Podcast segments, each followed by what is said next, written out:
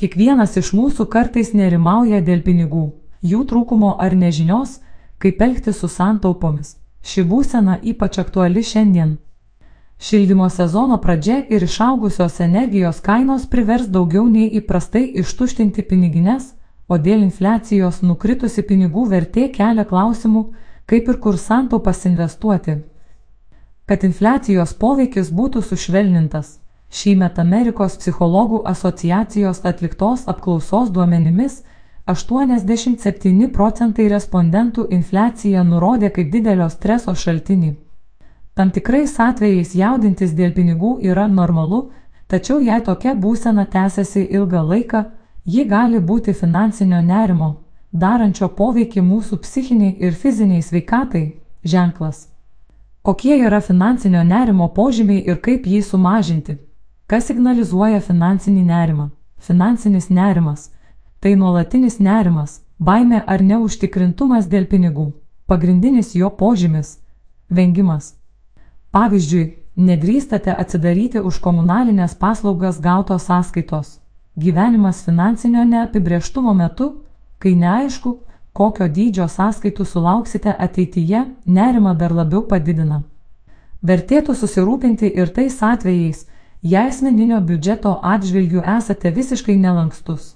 Pavyzdžiui, bet koks neplanuotas pirkinys jūs išmuša iš vėžių. Taip pat tada, kai patirėte sunkumų įsigydami net smulkius pirkinius. Tarkime, parduotuvėje ilgai lyginate visas duonos kainas, bet vis tiek neišsirenkate nei vieno produkto. Finansinio pobūdžio nerimas gali pasireikšti ir fiziologiniais požymiais. Pavyzdžiui, perskaičius naujienas apie kainų augimą imate jausti kūnę įtampą, pradeda skaudėti galvą ar skrandį, o naktį kankina nemiga, nes galvojate apie savo banko sąskaitos likutį, psichikos veikatos problemų riziką. Perdėtas rūpinimasis dėl pinigų gali sukelti nemigą, o blogiausių atveju - psichikos veikatos sutrikimus ir depresiją.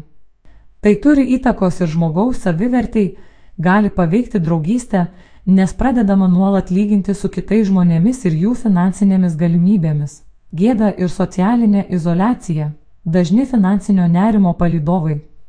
Mūsų visuomenėje pinigų tema dažnai dar vis laikoma tabu, todėl nesame linkę rūpeščiais pasidalinti su artimaisiais, draugais. Bijodami parodyti, kaip smarkiai pinigai veikia jų gyvenimą, žmonės renkasi apriboti socialinį kontaktą, kaip pagerinti santykių su pinigais. Jei pateiktuose pavyzdžiuose atpažįstate save, galite imtis tam tikrų veiksmų, kurie padės nerimą sumažinti. Pradėkite nuo asmeninio biudžeto sudarimo. Pavyzdžiui, kartą per savaitę skirkite 15 minučių ateinančios savaitės biudžeto peržiūrai. Fiksuokite, kam išleidžiate pinigus, kurios išlaidos būtinos, o kokią jų dalį galėtumėte skirti taupimui. Taip išmoksite asmeninių finansų valdymo ir jausitės ramiau. Susitvarkyti su nerimu dėl pinigų gali padėti ir finansinis rezervas. Rekomenduojama sukaupti maždaug 3-6 mėnesiais išlaidų dydžio sumą. Ji užtikrins finansinį stabilumą staigiai sumažėjus pajamoms arba atsiradus neplanuotoms didelėms išlaidoms.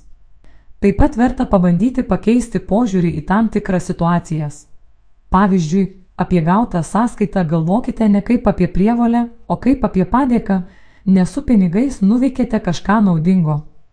Jei gyvenate įtin taupiai, vertinkite tai ne kaip savo trūkumą ar ribotas galimybės, o kaip tvarų gyvenimo būdą. Pirkdami mažiau daiktų prisidedate prie aplinkos tausojimo. Artimųjų parama taip pat gali padėti sumažinti finansinius rūpeščius. Jei esate parduotuvėje ir norite įsigyti neplanuotą pirkinį vadovaudamiesi emocijomis, paskambinkite draugui, kuris jums gali padėti racionaliai išspręsti situaciją ir patarti. Apsipirkinėdami internetu palikite daiktą prekių krepšelėje bent 24 valandoms, skirdami laiko apsvarstyti, ar jis tikrai reikalingas. Socialiniai tinklai šiandien užima daug mūsų dėmesio, todėl rekomenduojama reguliariai užsiimti jų higieną. Jei jaučiate didelį finansinį nerimą, vertėtų atsisakyti vartojimą ir pirkimą skatinančių profilių arba mobiliųjų programėlių, pavyzdžiui, maisto užsakymo ar pavėžėjimo platformų, nemokamų pramogų idėjos. Lankykitės bibliotekoje, skaitykite norimas knygas vietoje arba pasiskolinkite jas į namus. Bibliotekos turi ir didelę periodinių leidinių bazę. Nemokami renginiai. Internete rasite daug įvairių nemokamų renginių, nuo parodų iki koncertų ar diskusijų.